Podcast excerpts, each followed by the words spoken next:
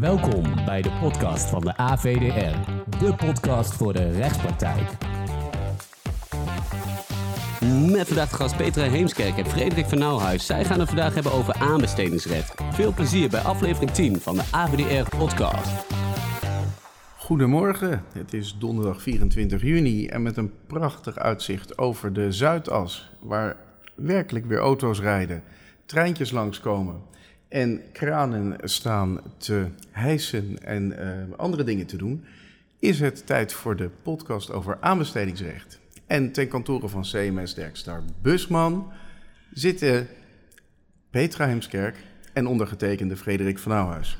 En we hebben er zin in, want de jurisprudentie van mei en een klein beetje van juni biedt toch alle mogelijkheden om een gezellig de discussie aan te gaan. Dus het belooft een hele mooie ochtend te worden. Um, al zie ik Petra kijken van, ja, ach, er zat weer heel veel saais tussen waar we eigenlijk de luisteraar helemaal niet blij mee kunnen maken.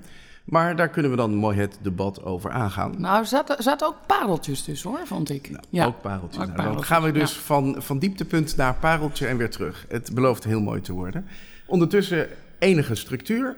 We gaan van hoog naar laag. Dus we beginnen bij het Hof van Justitie in Luxemburg. Voor de mensen die mocht, mochten twijfelen over welk Hof van Justitie we dan bedoelen.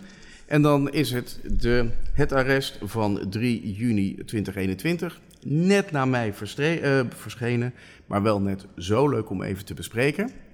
Maar Petra, jij zei zojuist dat je dat allemaal helemaal geen spannend arrest vond. En ik vond het juist een heel verbazend arrest.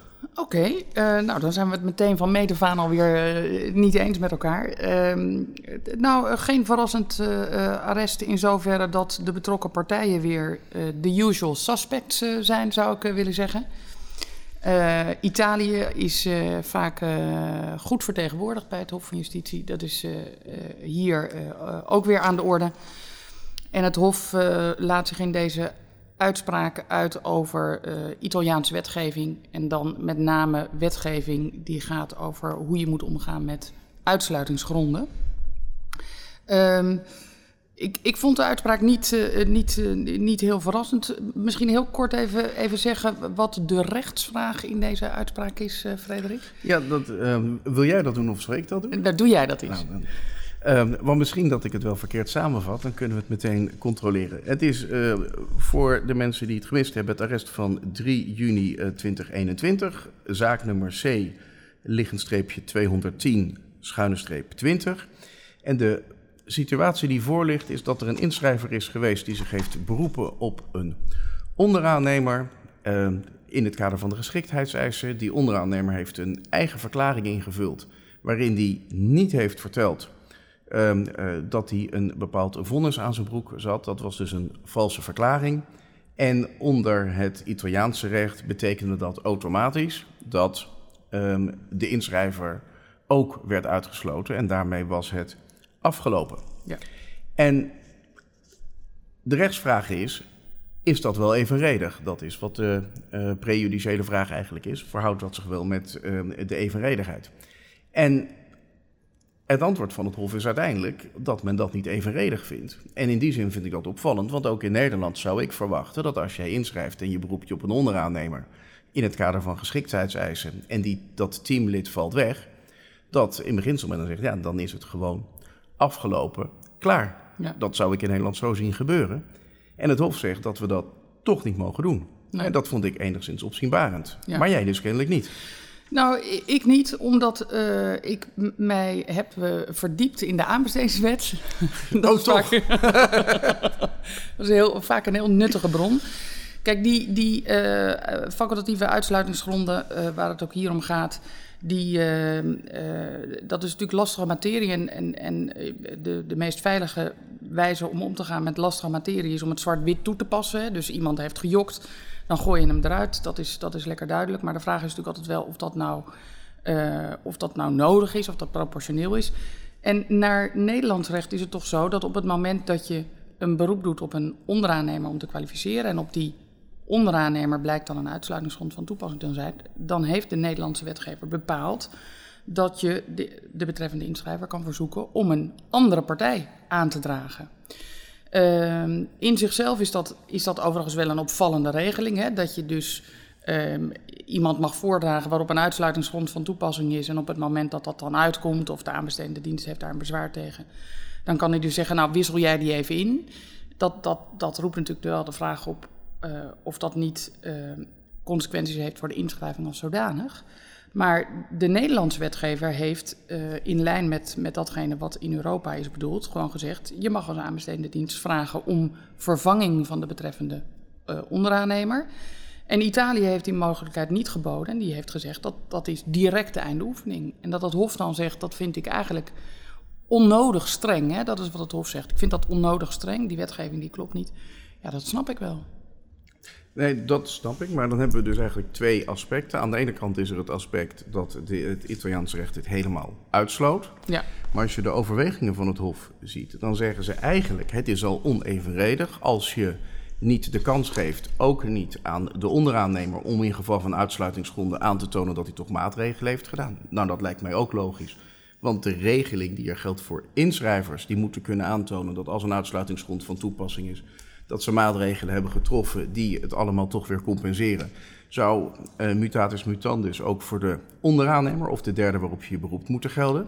Dan is natuurlijk wat onhandig met het afleggen van een valse verklaring. Dat je altijd afvraagt, dat is vrij recent gebeurd, welke maatregelen heb je dan genomen? Moet je de werknemer eruit hebben gegooid of wat dan ook? En geldt dat daar wel voor? Maar ze zeggen ook, en dan moet ik even zien welke overweging dat ook alweer is, dat ze bijna zeggen dat de mogelijkheid niet geven om een ander voor te dragen, dat dat eigenlijk ook al onevenredig is. En dat impliceert bijna, zoals het Hof het formuleert, dat eh, waar ook de Nederlandse wet in uh, artikel 292 lid 6 aangeeft, um, je kan die mogelijkheid bieden. Ja. Dat het Hof eigenlijk zegt, en dat moet je dan ook in beginsel gewoon doen, die mogelijkheid bieden. Ja. En ik vraag me af of heel veel aanbestedende diensten er zo naar kijken, omdat ik toch een beetje de neiging proef van ja, ik zou het kunnen doen, maar ik vind dat allemaal ingewikkeld, dus ik doe het gewoon niet. Ja. En het evenredigheidsbeginsel zoals het Hof hier uitlegt, wat uiteindelijk wordt geplaatst in het feit dat het erom gaat dat uiteindelijk er een goede opdrachtnemer komt. En niet zozeer om allemaal mensen uit te sluiten.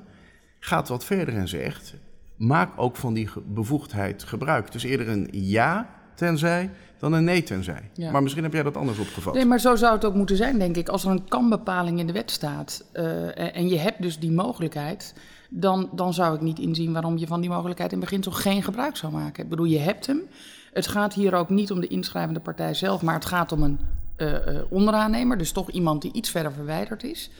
Um, en, en dan zou je wat mij betreft twee mogelijkheden moeten hebben. Of je, of je, je gaat op onderzoek uit en je, je zegt wat, wat speelt er eigenlijk bij deze onderaannemer en waarom is op die onderaannemer een facultatieve uitsluitingsgrond van toepassing. Um, uh, en, en als het dan al onoverkomelijk is, ja, dan, dan, dan kan je vragen, joh, die, de, deze, deze Piet wil ik liever niet, doe mij maar een Henk. Um, en, en even een zijstapje naar die valse verklaring. Hè? Want je zegt, hoe moet je dat nou eigenlijk rechtzetten? Want je hebt het twee weken geleden nog gedaan. Hè? Heb je nog staan liegen. Dus dan ja. kan je zeggen, nou, ik ben inmiddels te biecht gegaan... en ik zal het nooit meer doen. Ik beloof het plechtig. Um, maar, maar het punt met die valse verklaring is natuurlijk dat, dat, dat ik denk dat heel veel inschrijvers in een aanbesteding een valse verklaring afleggen. Um, kijk maar naar aanbestedingen waar uh, als facultatieve uh, grond de uh, past performance wordt aangevinkt. Hè, die, die behelst. Um, heeft u de afgelopen drie jaar ooit wel eens te maken gehad met een ontbinding van een overeenkomst, hè, wegens wanprestatie? Nou, ik denk dat uh, veel van onze cliënten zullen invullen. Nee, daar heb ik nou echt nog nooit mee te maken gehad. Uh, want als je, als je invult, ja, daar heb ik wel mee te maken gehad, dan, ben je aan de beurt. Want dan moet je vervolgens gaan uitleggen wat je allemaal gedaan hebt om het, om het recht te zetten. Ik denk dat veel mensen gewoon ook in argelo argeloosheid zeggen: ik heb, dat niet, uh, ik heb daar niet mee te maken gehad. Ja, dan, dan leg je dus direct ook een valse verklaring af. Want, want, ja. en hoe, hoe, hoe, daar heb je ook wel makkelijk een antwoord op, denk ik, als een aanbestedende dienst zegt waarom heb je dat niet verteld? Dan kan je natuurlijk zeggen, nou ja, dat heb ik niet onderkend of dat, dat is een goed punt. Maar het is een incident, je hebt daar wel reactie op te geven, denk ik. Nou, maar op dat laatste punt even door te gaan, is nou mijn ervaring, waarbij ik overigens niet durf te beamen dat heel veel partijen met ontbindingen te maken hebben en uh, dat niet opgeven. Want ik heb me daar niet in verdiept. Uh, ik beperk me tot de aanbestedingswet. Maar we, maar we hebben alle twee een volle praktijk. Maar we hebben alle twee een volle praktijk. Maar wel bijvoorbeeld rond uh, de ernstige fout... waar een hele hoge mate van waardering in zit. Ehm, ehm, eh, die kennen we allemaal de, eh, de KP, KPN-uitspraken. En ehm, daar was uiteindelijk de conclusie. Ehm, terwijl notabene de boete die was opgelegd uiteindelijk strandde eh, bij het College van Beroep voor Bedrijfsleven, dat al die jaren dat daarover werd geprocedeerd. Ehm, en dus uiteindelijk bleek dat er helemaal geen, ehm, eh, geen ernstige dingen waren gebeurd. In de tussentijd Ja. toch moest worden verklaard. Ik Ja. heb een ernstige fout gemaakt. En het rare is dat eigenlijk achteraf dat allemaal valse verklaringen zijn geweest. Ja. Want er was helemaal geen ernstige fout gemaakt. En het tweede is dat, ehm, waar je nu net zei, ja, maar dat is dan een incident. Eh, KPN was een partij en die deed gewoon elke, elke week twee, drie keer mee aan een aanbesteding. Dus toen iemand begon te zeggen, u heeft gezegd dat u geen ernstige fout heeft gemaakt, maar dat is wel zo, werd er bovendien gezegd, dat is geen incident, dat heeft u al tien keer Nee, maar gedaan. ik bedoel, de ontbinding is een incident. Hè? Het feit dat je, of, of dat je een fout hebt gemaakt is een incident. En dat je dat niet onderkent en dan in tien aanbestedingen zegt, het speelt Ja. niet. Ja, dat, dat is dan een rapporterend iets. Maar, de, de, de- maar de, discussie geeft maar aan dat je over die, die uitsluitingsgronden debat kan hebben. Over de vragen die wel of niet van toepassing zijn. Dus ik vind een automatisme op basis waarvan je dan sowieso wordt uitgesloten eigenlijk niet op zijn plek. De materie is daar te, te complex voor. En ik vind het wel goed dat, dat eh, het, het Hof hier zegt.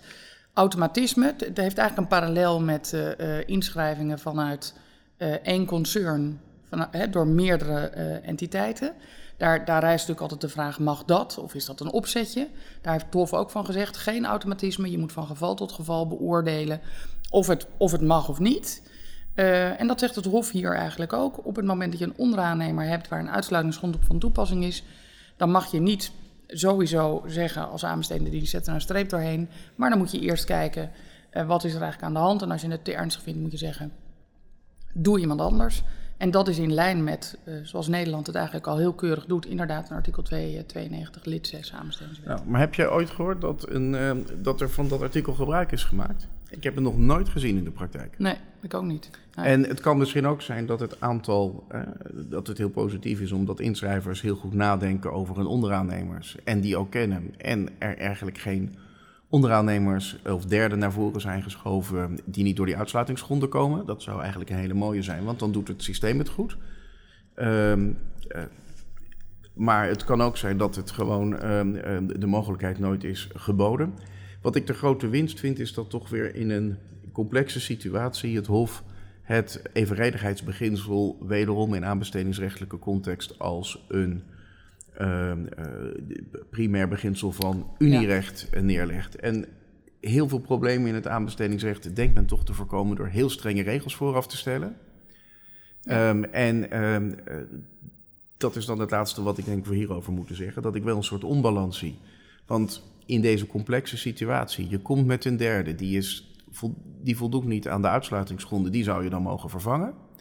Terwijl op de meest kleine dingen die je kunt voorstellen, staat in de aanbestedingsstukken, je wordt uitgesloten. Ja, En waar het evenredigheidsdanbeginsel is ja. gebleven, weet ik niet.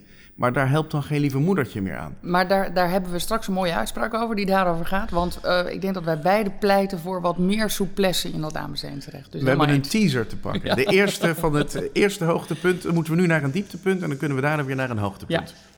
Ehm, dan gaan we nu naar het volgende arrest van het Hof ehm, van Justitie. 20 mei 21. Zaak nummer C liggend streepje 6, schuine streep 20. En dat is de zaak Reigi Tugitenuste Keskus. En dat speelt in de Baltische Staten.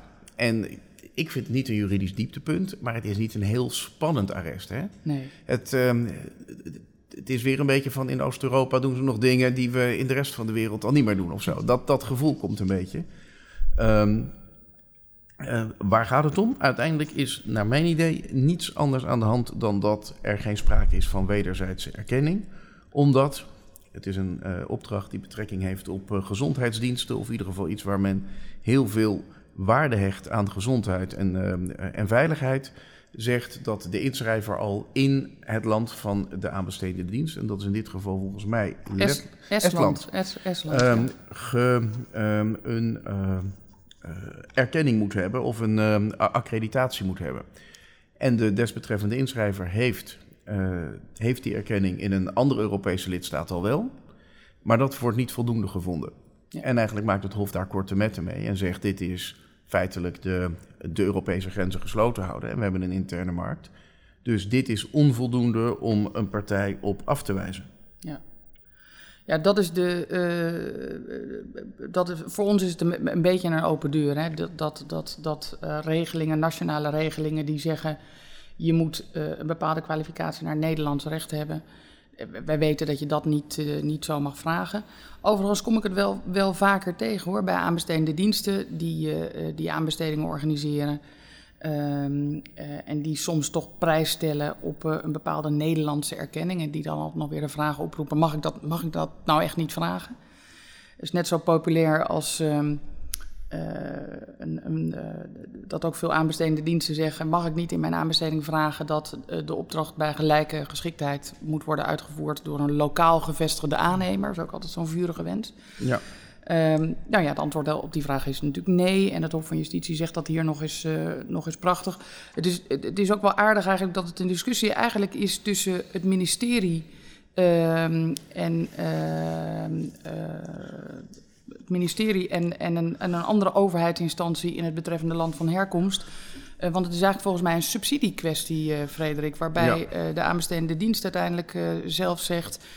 Um, ik, heb die, ik heb die erkenning, ik heb die aanbesteding zo georganiseerd hè, op basis van deze voorschriften. Um, dus ja, daarmee heb ik toch het vertrouwen gewekt dat, het, dat ik het zo zou doen. Um, en, en als je me nou terugfluit, dan heb ik eigenlijk, kom ik geld tekort, want dan moet ik een stuk van mijn subsidie terugbetalen. Ja. En kan ik dan niet een beroep doen uh, als overheidspartij op het vertrouwensbeginsel? Nou, dat, is natuurlijk, dat vind ik altijd schitterend als aanbestedende diensten dat doen. Uh, ik, heb het recht, ik heb het wetboek helemaal verkeerd gelezen, maar goed, ik dacht dat ik goed zat. En ja, nou, nou is dat heel, heel vervelend voor mij als ik daar de consequenties van moet dragen. En het Hof van Justitie legt ook nog eens een keer fijntjes uit dat publieke partijen geen beroep op hun eigen onkunde ja. uh, toekomt. Ja. Het zou natuurlijk aardig. wel een fantastische oplossing zijn geweest voor nu de toeslagenaffaire. Hè? Dat ja, de Belastingdienst zou zeggen, maar dit mocht van het ministerie van Financiën.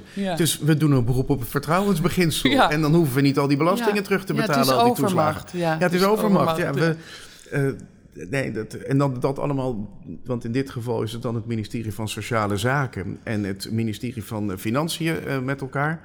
Uh, blijkt een rechtsoverweging 71 die bij elkaar zich beroepen op het vertrouwensbeginsel. Maar het is natuurlijk allemaal de staat. Maar misschien ja. hadden ze wel een service level agreement met elkaar, waarbij de staat de staat contracteert. Ja. En uh, dan kunnen ze elkaar nog voor wanprestatie aanspreken. Dat zou natuurlijk ook een hele Misschien kunnen we ze zijn. even op het spoor zetten van Nederlandse jurisprudentie. Inmiddels heeft uh, duidelijk gemahet dat de staat daadwerkelijk één en ondeelbaar is. Ja. Ja, nou, ook een hele verrassende, maar buiten ja. de beschouwing van deze podcast natuurlijk. Dat was een van de eerste dingen die ik leerde uh, als stagiaire. Jij noemde nog, uh, ja. nog één ding wat misschien toch aardig is, want je ziet toch wel veel Nederlandse um, keurmerkjes, um, um, kwaliteitsregelingen enzovoort, die helemaal niet aansluiten bij iets Europees, waarbij dan toch in de aanbesteding wordt gezegd, je moet dat hebben, of iets gelijkwaardigs. Ja.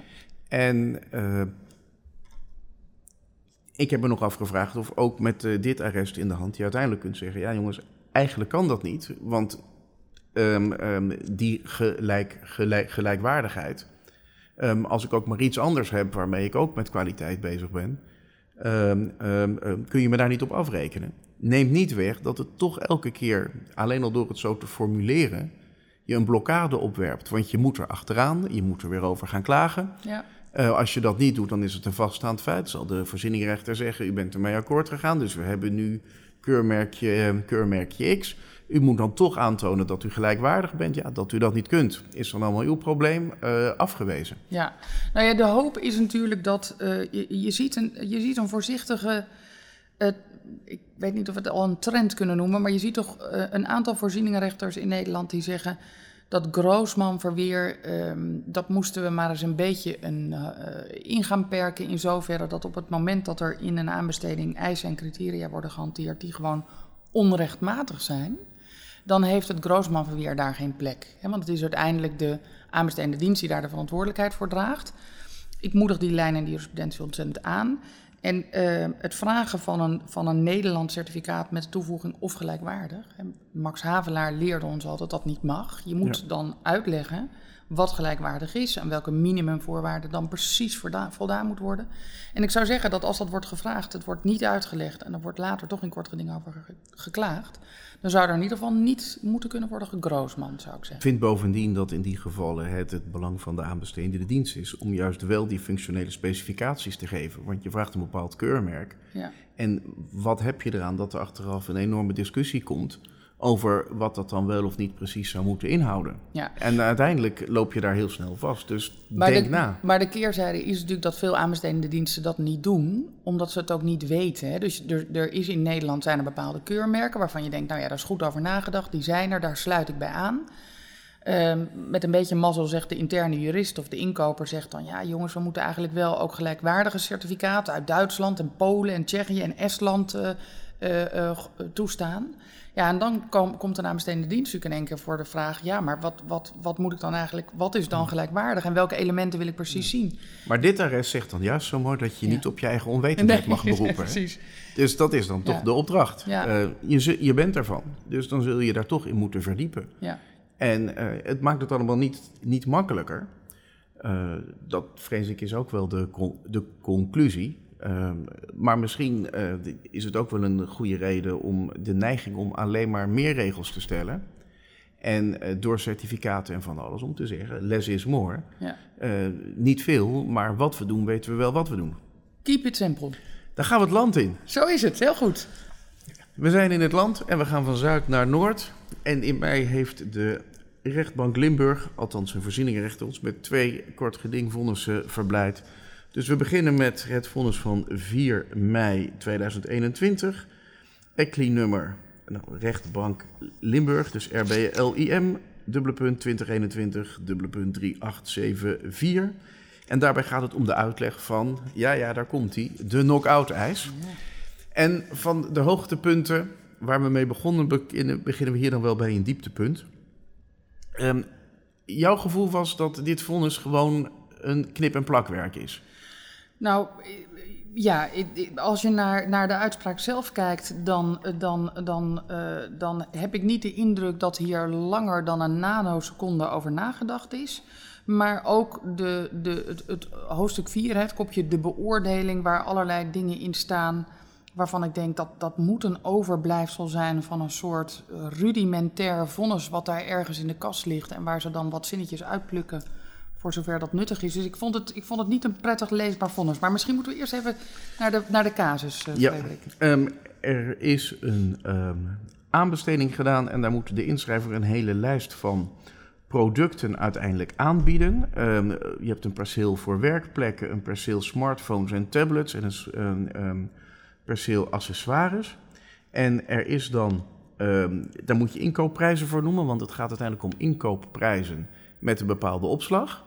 En daar komt eigenlijk het eerste wonderlijke, want er is dan in de nota van inlichtingen toegevoegd dat om de inkoopprijs per product van de inschrijver te verifiëren, dient de inschrijver de inkoopprijs van zijn toeleverancier per product toe te voegen aan de inschrijving, vergezeld met een verklaring van de toeleverancier dat de geoffreerde prijs van het betreffende product is op basis van de inkoopcondities van de inschrijver.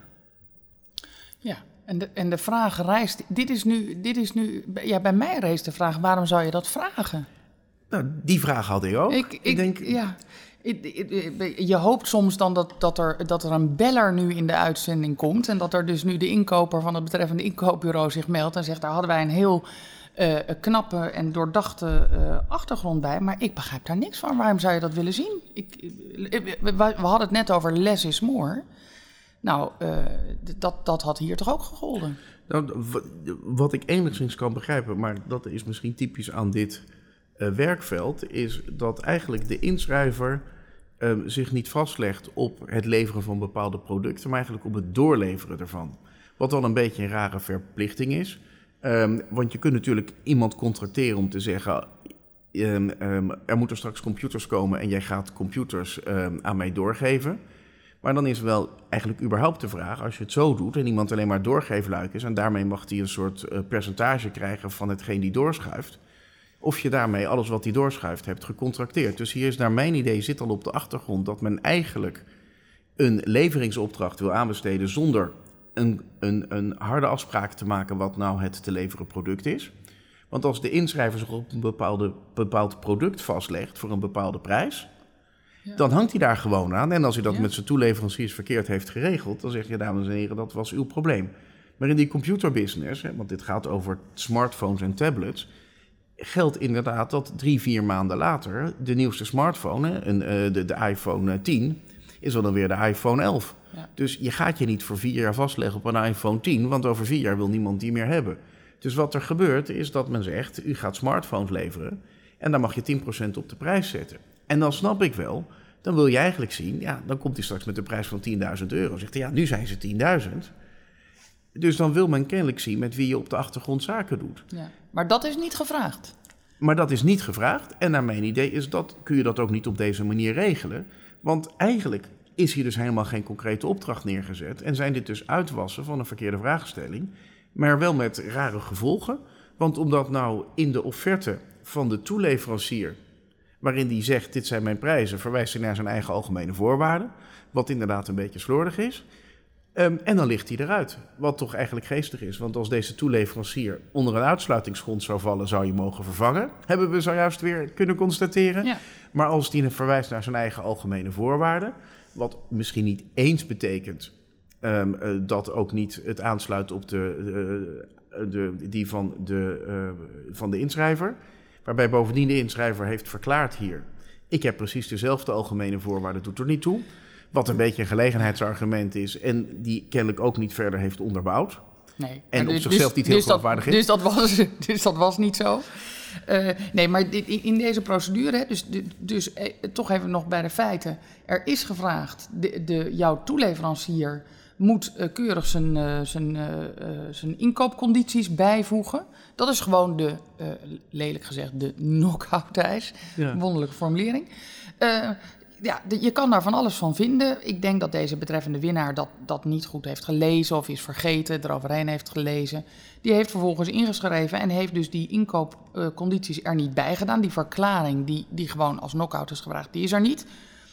Ja, vervolgens gaat deze partij dan toch procederen, wat ik dan niet zo heel goed begrijp. Want ja, dat, dat lijkt mij dan wel, ik bedoel, ik vind het een bizarre aanbesteding, maar het kort geding is betrekkelijk kansloos.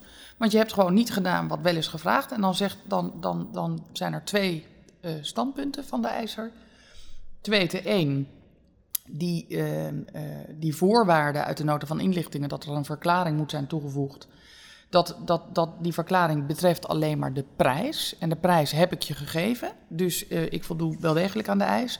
En als het al meer is dan de prijs, en het gaat daadwerkelijk over de inkoopvoorwaarden van mijn toeleverancier, dan zijn die identiek aan mijn eigen voorwaarden. En daarvan zegt de rechter dan weer: ja, dat, dat heb jij wel gesteld, maar je, je hebt daar niks.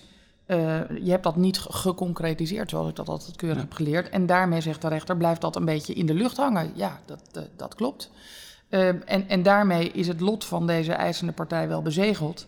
Want eh, hij, hij springt gewoon niet over de, over de horde. Dat is een bizarre horde. Maar ja, dat was wel de spelregel. Maar was het wel een knock-out ijs? Want het gekke is dat in het programma van eisen, ehm, oh ja, de, de geschiktheidseisen en de eisen die worden gesteld, want daar is men ook niet heel erg duidelijk in. En de, eisen, de eisen aan de uitvoering van de opdracht zijn elk afzonderlijk als een knock-out eis aangemerkt. Staat verder niet helemaal geciteerd. Dus dat ze daarmee bedoelen als je niet besteksconform aanbiedt, ligt je eruit. Dat snap ik. Ehm, maar hier vind ik uiteindelijk, er is gezegd je moet een verklaring toevoegen. Dan ontbreekt een, eh, een verklaring. Ehm, ik zou uiteindelijk, nu toch de offerte er ligt en je wilt misschien die verklaring erbij hebben. Dit zou nou typisch iets zijn in de lijn waar wij het net over hadden. Waar je helemaal niet met allemaal knock-out eisen gaat komen, want het leidt helemaal niet tot een verbetering. Maar waar het veel prettiger is als je op basis van een evenredigheidsbeginsel eh, nog die stukken kunt vragen, moet je wel op het goede moment doen. Dus, hè, voordat eh, andere dingen zijn. Maar is dit nou echt iets. Je moet het überhaupt niet vragen. En is het dan iets dat met een knock-out moet worden bedreigd? Nou ja, zij zeggen, eh, we- willen die inkoopcondities hebben om te kunnen verifiëren of jouw prijzen realistisch zijn. Dat is wat in die nota van inlichtingen staat. Dus dan snap ik wel dat je dat ook bij inschrijving wil krijgen. En dat je, dat, je, hoewel je ook zou kunnen zeggen in lijn van abnormaal laag, op het moment dat ik het Ja. te laag vind, dan gaan we een contradictore verificatieprocedure in. Precies. En dan mag je het uitleggen. Maar goed, dat, dat zijn allemaal andere keuzes die de aanbestedende dienst had kunnen maken, maar die heeft hij niet gemaakt. Nee, maar we zouden ervoor pleiten dat ze dat de volgende keer doen. hè? Ja, anders doen.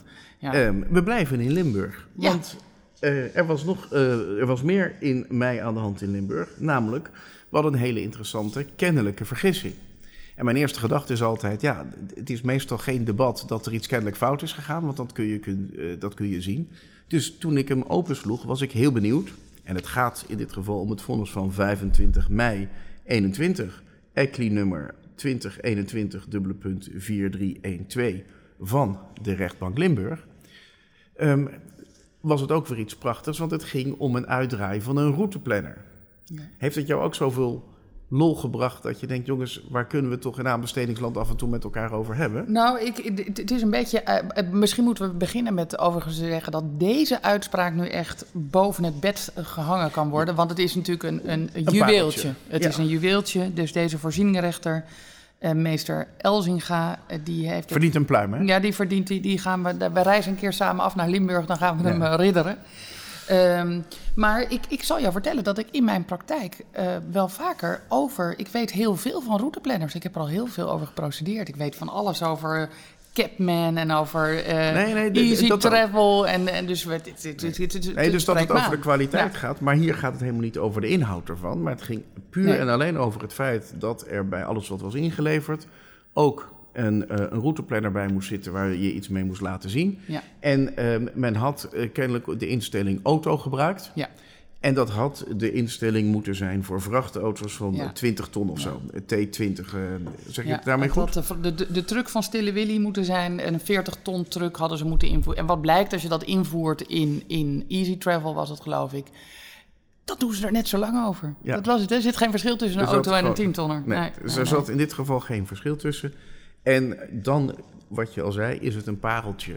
Want ehm, wat er uit die routeplanner komt, is een objectief gegeven. Ja. Dat kun je zien. En in die uitdraai kon je zien dat die instelling op auto stond. Je kunt onmiddellijk vaststellen wat eruit komt als het eh, eh, eh, een, een vrachtauto is. Ja. En ook hier klonk weer tussen de regels door dat de aanbesteding die zegt: ja, maar als je me dat gaat vertellen, dan ga je de inschrijving veranderen. Ja. Dan denk ik van hoe kunnen mensen dat nou zeggen? Want je verandert het aanbod helemaal niet. Maar het antwoord op die vraag, hoe kunnen mensen dat zeggen, dat zal ik geven. Dat komt omdat er natuurlijk heel veel voorzieningenrechters in Nederland zijn. Die gewoon kiezen voor de stoïcijnse lijn. Iets fout, een kommaatje fout, eh, een, een kopietje te weinig. Is gewoon onmiddellijk afschieten. Dat is de veilige lijn die altijd wordt aangehangen voor de aanbestedende diensten kiezen. Die aan voorzieningenrechters zeggen dat is zo. En deze rechter, die neemt wel vier pagina's de tijd, geloof ik, om. Hij zegt: ik, ga het uitgebreid motiveren om aanbesteders te helpen. Nou, hulde daarvoor. En die legt nog eens uit dat op het moment dat je ergens in je offerte, waar iedereen hard aan werkt, een klein foutje maakt, het in, in het belang van de aanbesteder is en van deze inschrijver, dat je dat mag herstellen. Natuurlijk niet als de, als de onderlinge concurrentie wordt geraakt, hè, want we hebben natuurlijk de, de, de, de beoogd winnaar komt natuurlijk tussen in deze procedure en die zegt de concurrentie wordt geraakt door dit herstel. Want als je laat herstellen, ik was de winnaar, maar dan is hij de winnaar. Ja. Eh, dat, dat argument is, is heel vaak een winnend argument. Heel vaak zeggen voorzieningenrechters, nou zo is het. En deze voorzieningenrechter zegt, nee, zo is het helemaal niet. Eh, dit herstel, dat raakt jou niet. Het is niet zo dat je, als het om het hart van jouw inschrijving gaat, echt nog iets heel anders mag doen. Je mag een, je mag een ondergeschikt punt terechtzetten en dan wint de, de juiste winnaar. In datzelfde kader heb ik ook nog wel eens het fantastische argument van aanbesteders gehoord. Die zegt, ja, ik schend het gelijkheidsbeginsel, want dit is de enige waar dat herstel moet plaatsvinden. Ja. Waarbij je dan denkt, hey, dus als het allemaal fout doen, dan mogen ze het allemaal herstellen. Maar ja, nu er maar eentje die fout heeft gemaakt, nee, dan, dan kan het niet. Ja. Wat ook onzin is, want dat is natuurlijk niet waar het gelijkheidsbeginsel over gaat. De rechter zegt het terecht. Het gaat om of je een oneigenlijk concurrentievoordeel zou hebben verkregen ten opzichte van de andere inschrijvers in de inhoud van die inschrijving. Ja. En eh, uiteindelijk wat je zegt, aanbesteden, en dat komt ook weer in die, datzelfde arrest waar we mee begonnen aan de orde. Het gaat er uiteindelijk om dat je eh, goede eh, opdrachtnemers krijgt. En niet op basis van allemaal eigenlijk niet relevante administratieve punten zoveel mogelijk partijen laat afvallen. Ja. Zodat je uiteindelijk geen inhoudelijke beoordeling hoeft te doen, want er was er nog maar eentje over. Dus de, de- deze, deze verdient navolging. Een pareltje. Het is wel wonderlijk hoe je van een absolute laagte naar absolute hoogte kunt gaan binnen één rechtbank, binnen één maand. Hè? Ja, en ik, Dat belooft wat ja, voor is, jullie. is, het, is het dezelfde voorzieningenrechter, vraag je je af? Misschien moeten we dat maar niet zeggen. We hebben hem net een lintje beloofd. Hij nee, gaat het worden zijn, het, zijn, het zijn twee verschillende voorzieningenrechters. Ja. Dus zorg dat je eh, die tweede hebt, zou ik zeggen. Dan moeten we weten met wie we gaan lunchen. Meester Elzinga. Meester Elzinga. Zijn naam is genoemd. Ehm, van Limburg naar Rotterdam. We zitten natuurlijk in Amsterdam. Maar deze maand vanuit Amsterdam niks moois te melden. Maar wel vanuit Rotterdam. Ehm, en met uitzicht, normaal gesproken op de rechtbank... hebben we daar een vonnis van meester Geerders. Een oude rot in het vak. Die je niet zomaar om de tuin leidt. En in het vonnis van 4 mei, ook 4 mei, maar dan met ECLI-nummer RB rot dubbele punt 2021 dubbele punt 4205 ging het om, ook een onderwerp dat zo hier en daar langskomt. Want we begeven ons op glad ijs. Ja. Het gaat om gladheidsbestrijding. Ja, schitterend, ja. En ehm, hier is toch wel iets bijzonders gebeurd, want hier is toch eh, in een heel vroeg, vroegtijdig stadium is men gaan kort gedingen. ehm, eh, tegen de aanbestedende dienst, omdat men het niet eens was met de voorwaarden. Dus dat is een, een hoge mate van proactieve houding. ja. En dan zie je toch dat op heel veel punten het standaard antwoord van de voorzieningenrechter is... Uh, voorshands zie ik het niet helemaal misgaan, dus ik ga ook niet ingrijpen. Maar meester Geerders ehm, ehm, vindt dan toch dat er één ambitie in het kader van de gunningscriteria is geformuleerd. Namelijk hergebruikt materieel, materiaal in het nieuwe materieel. Waar hij zegt, ik vind dat de zittende partij, formeel een rechtsopvolger van de zittende partij, ehm, daar een te grote voorsprong heeft. Dat moet je aanpassen. En dat is toch iets wat we niet vaak zien. Dus jij vindt het ook een pareltje, hè?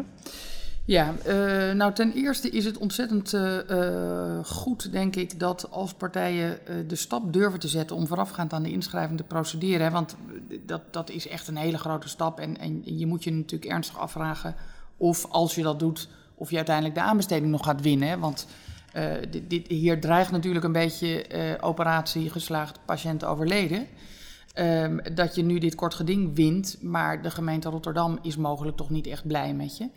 Um, maar ik vind het, vind het dus heel erg uh, dat deze, dat, dat, deze partij het toch heeft gedaan, het aangedurfd heeft om te gaan, uh, gaan procederen. En het is natuurlijk dan ook heel erg prijzenswaardig dat uh, de, de voorzieningrechter er zo uitgebreid de tijd voor neemt.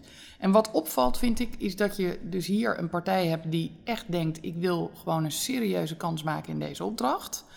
Um, heeft echt uh, omstandig gemotiveerd uitgelegd waarom dan het probleem zit. Op welke punten die zegt, ja, ik sta gewoon op zodanig achterstand ten opzichte van de zittende dienstverlener, dat ik daar niet doorheen kom. Dan vind ik het opvallend dat in die procedure tussenkomt, er zit een dienstverlener. Ja. Dat zou ik nou nooit gedaan hebben als zittend uh, dienstverlener. Uh, want daarmee, dat is een soort uitroepteken achter het bezwaar van deze, deze, uh, deze, deze gegadigde.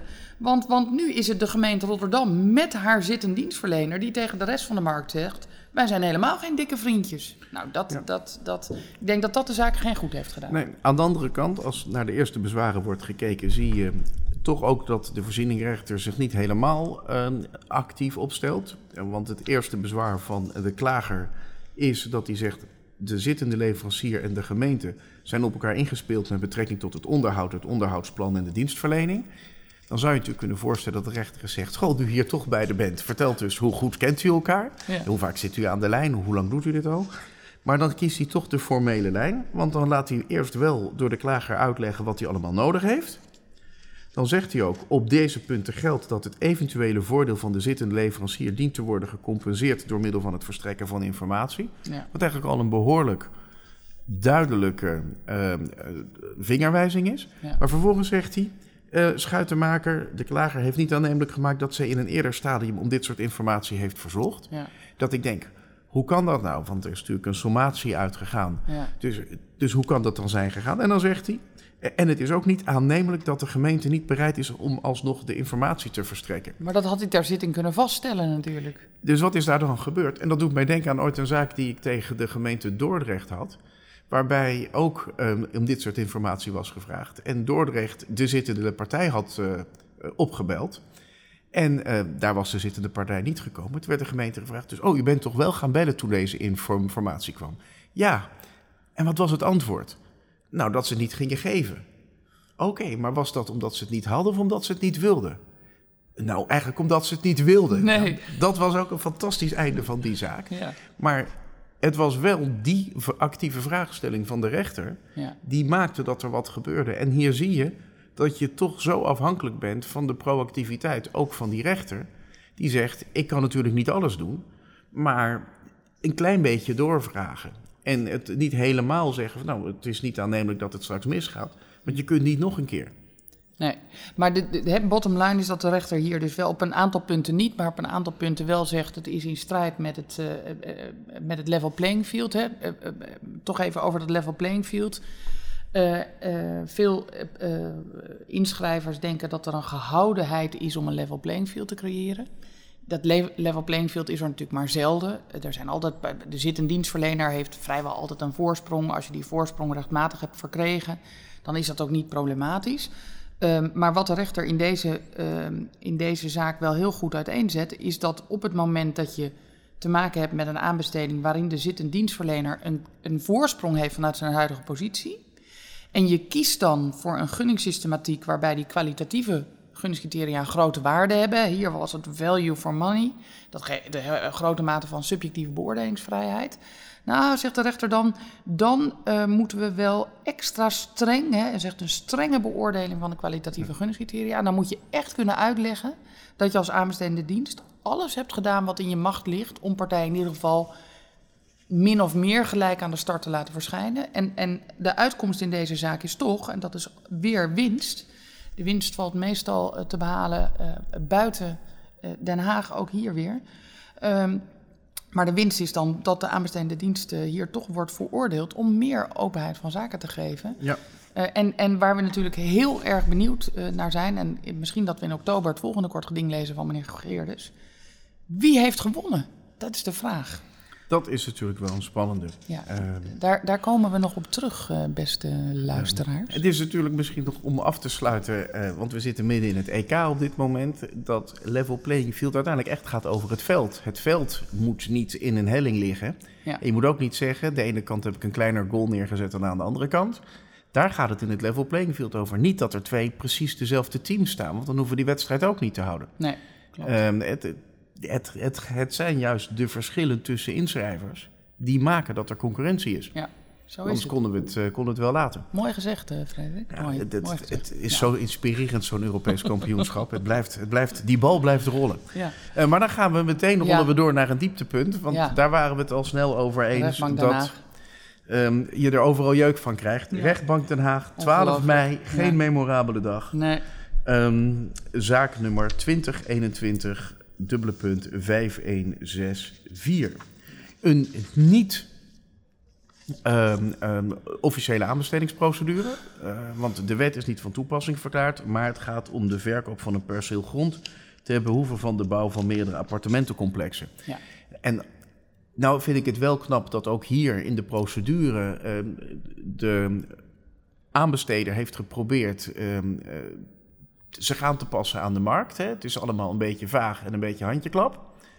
En dat is dan goed gelukt. Ja, nou, dit, dit, is, dit, dit- is, nou ja, ja, dit is willekeur van de bovenste plank. Ik, je kan je toch volkomen voorstellen dat je als, als, als deelnemers in zo'n procedure je hoed opeet. Misschien heel kort even eh, eh, hoog over de feiten. Eh, het gaat om de vraag. Ehm, eh, je moet een plan indienen eh, en dat plan moet passen binnen de eh, kaders van het, van het bestemmingsplan. Je moet een schetsplan indienen, moet, moet passen binnen de contouren van het bestemmingsplan. En dat is dan natuurlijk een knock-out criterium. Daar hebben we Ja. dat prachtige woord, knock-out criterium weer. Maar dit, dat herkennen we natuurlijk. Je moet, je, je moet iets aanbieden en dat aan, wat je aanbiedt moet wel passen binnen de lijntjes. Nou, dat is een heel gebruikelijke eis. Nu heeft de gemeente hier gezegd in die procedure dat de gemeente bereid is, dat heeft ze wel op voorhand eh, eh, aangegeven, dat ze bereid is een kruimelontheffingsprocedure. Dat vind ik eerlijk gezegd ook het woord van de dag hoor. Dat kende ik nog niet, een kruimelontheffingsprocedure. Eh, maar die mag je volgen als het gaat om marginale aanpassingen van het bestemmingsplan. Marginale, houdt u dat vast? En Mar- kwaliteitsverbeterend, dat ook nog. Hè? Marginale kwaliteitsverbetering. Da- en dan gaan we. Eh, nou, wat doet iedereen? Wij spreken het bestemmingsplan zegt je mag drie lagen eh, bouwen. Iedereen houdt zich daar keurig aan. En wat doet eh, hier de uiteindelijk winnende inschrijver, Blauwhoed? Die biedt vier woonlagen aan. Volgens mij zelfs vijf. Of vijf, nou ja, het was in ieder geval... Het, het, het, het- nou, iedereen die, aan, die, die, die wel eens naast een dossier heeft gestaan... die gaat over projectontwikkeling...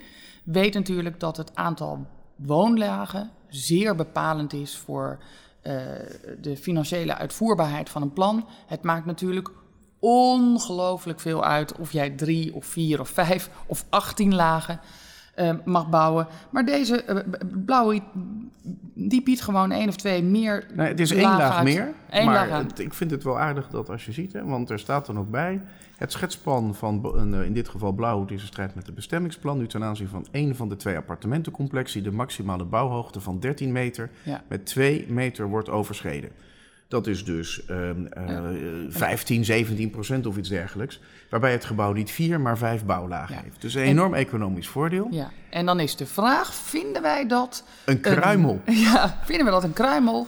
Is dat een marginale aanpassing die ook nog kwaliteitsverhogend is? Nou, het is kwaliteitsverhogend vanuit financieel oogpunt, want je, je verdient er meer door.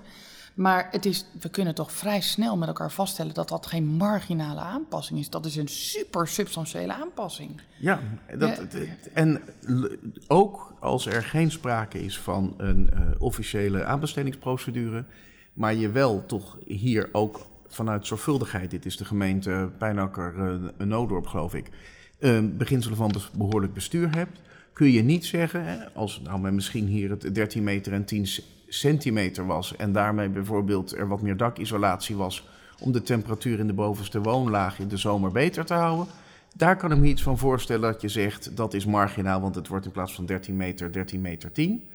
Ehm, dat ligt, dat zou ik daarbij passen. En dan is het natuurlijk altijd lastig te zeggen waar de grens is. Maar twee meter overschrijden. En dat doet mij een beetje denken aan ooit dat er nog eens een keer over wachthuisjes ging. Daar moest de vloerplaat ongeveer twee meter zijn. En toen kwam er eentje met drie meter. Ik zeg, ja, circa twee meter is niet drie meter. Twee Kunnen meter, drie meter. Ja, ja, Who's dat- counting? Who's counting? Dat, en daar vond een voorzieningenrechter het helemaal geen probleem om te zeggen... oké, het is niet een hele duidelijke norm, maar circa twee meter is in ieder geval niet drie meter. Ja, en dat ik is vind- hier exact hetzelfde. En dit is onwil, hè? dit is gewoon een voorzieningrechter die zegt... nou, eh, overheden, eh, jullie willen dit kennelijk, daar ga ik niet voor liggen. Ja. En dat je mensen eindeloos laat tekenen... en iemand die gewoon zichzelf even rijk rekent...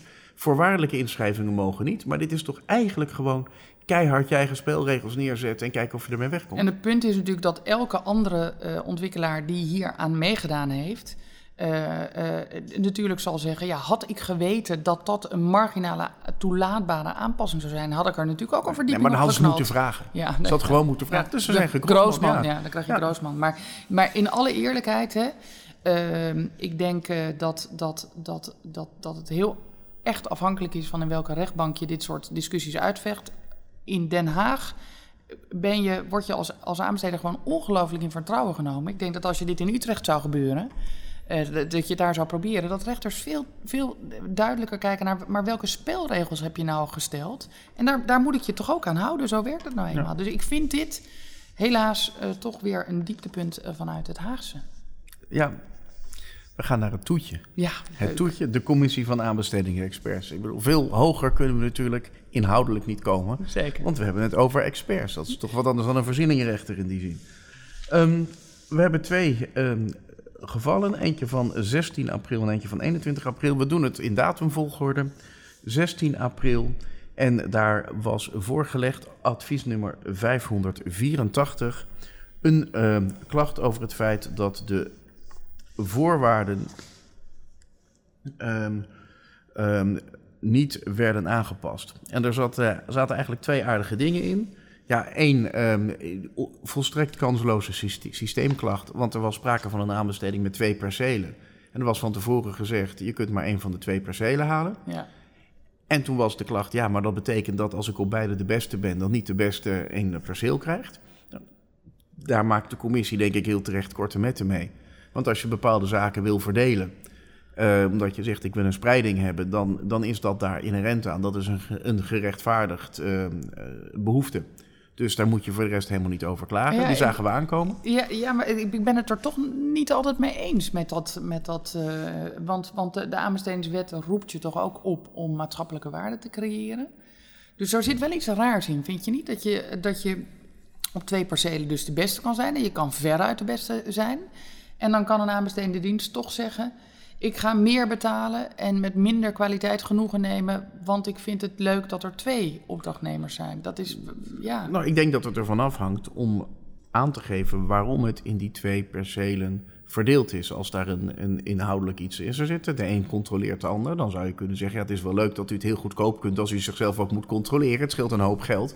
Ehm, is dat denk ik wel gerechtvaardigd. Ehm, maar ik ben met je eens, soms zie je dat, eh, noem maar wat, eh, schoonmaakwerk over vijf, zes percelen wordt verdeeld. Nou, dat is een goed iets om te kijken. Stel nou dat allemaal MKB-bedrijven dat gaan doen, zijn we dan inderdaad voordeliger uit. ja. Maar als zes verschillende MKB-bedrijven toch drie keer duurder zijn dan één grote, die het alle zes doet, dan heeft naar mijn idee de marktwerking uitgewezen dat de premisse die heel vaak wordt geroepen, dat kunnen de MKB'ers allemaal heel veel beter, dat die niet klopt.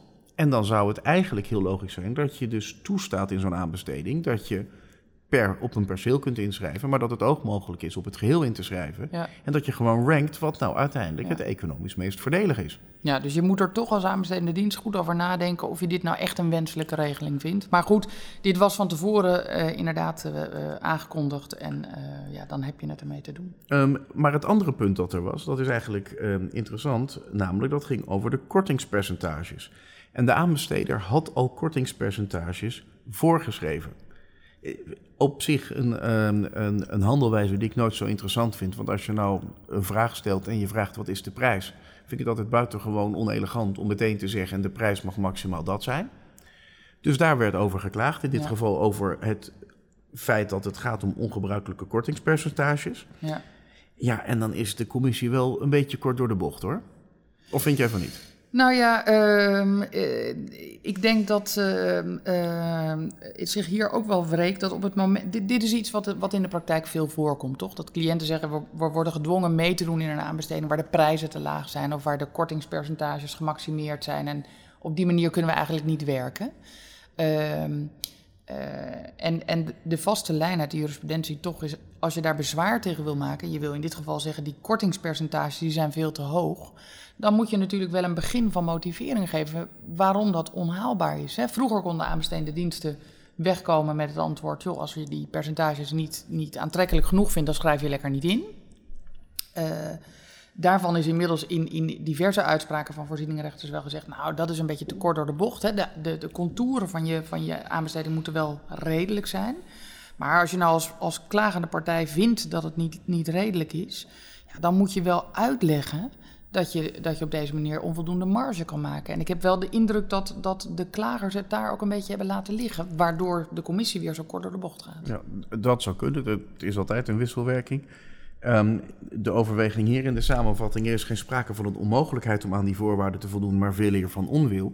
Dat is natuurlijk heel vaak zo. Ja, Ehm, ehm, en dat kunnen we toch ook niet omkeren? Dat we zeggen, ach, al die mensen in die kledingateliers, ja, uiteindelijk wilden ze het gewoon zelf daar zitten. Dus eh, wat, wat, wat zeur, zeur je nou?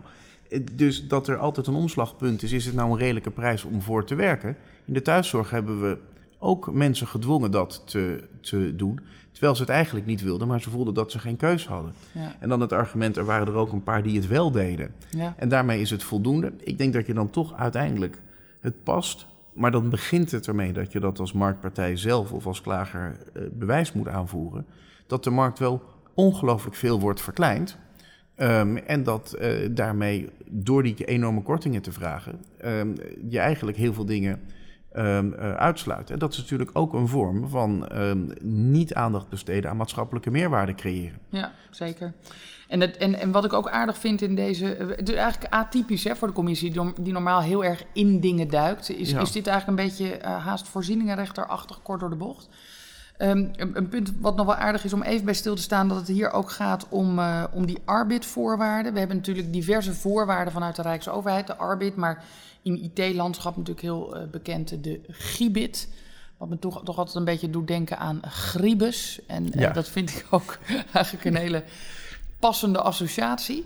Um, die, die, die beide hebben een beetje de schijn dat het paritair opgestelde voorwaarden zijn. Bij de Gibit uh, zijn in ieder geval marktpartijen die, die, die hebben er geloof ik wel eens uh, uh, langs gereden, langs het gebouw. Ja, terwijl en wie zwijgt stemt toe, hè?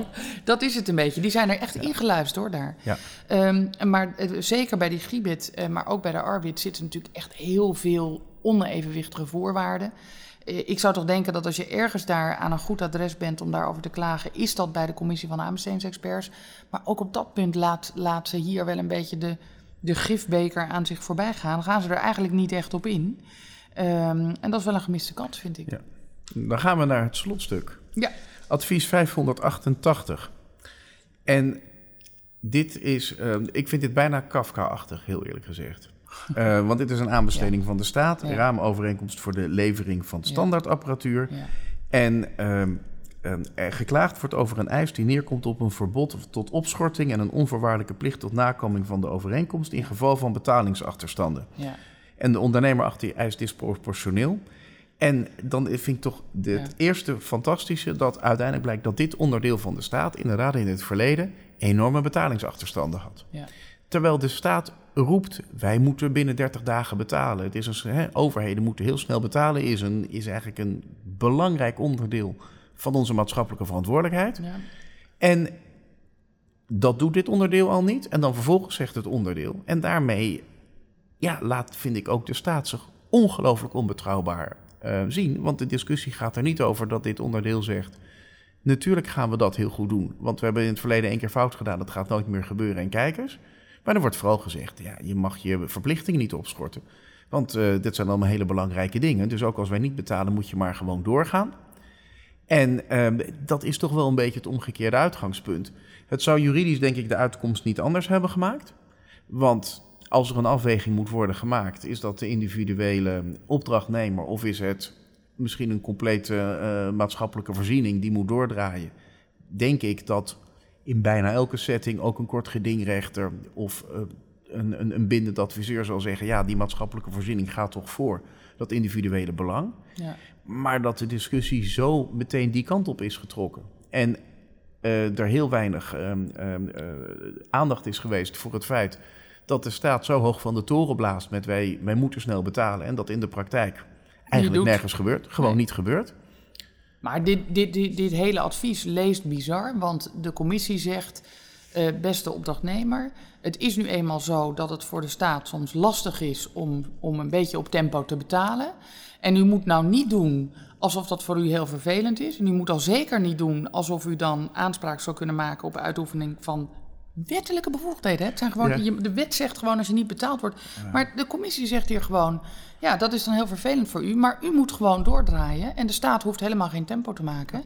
En als u dat allemaal onplezierig vindt, dan schrijft u maar niet in. Nou, ja.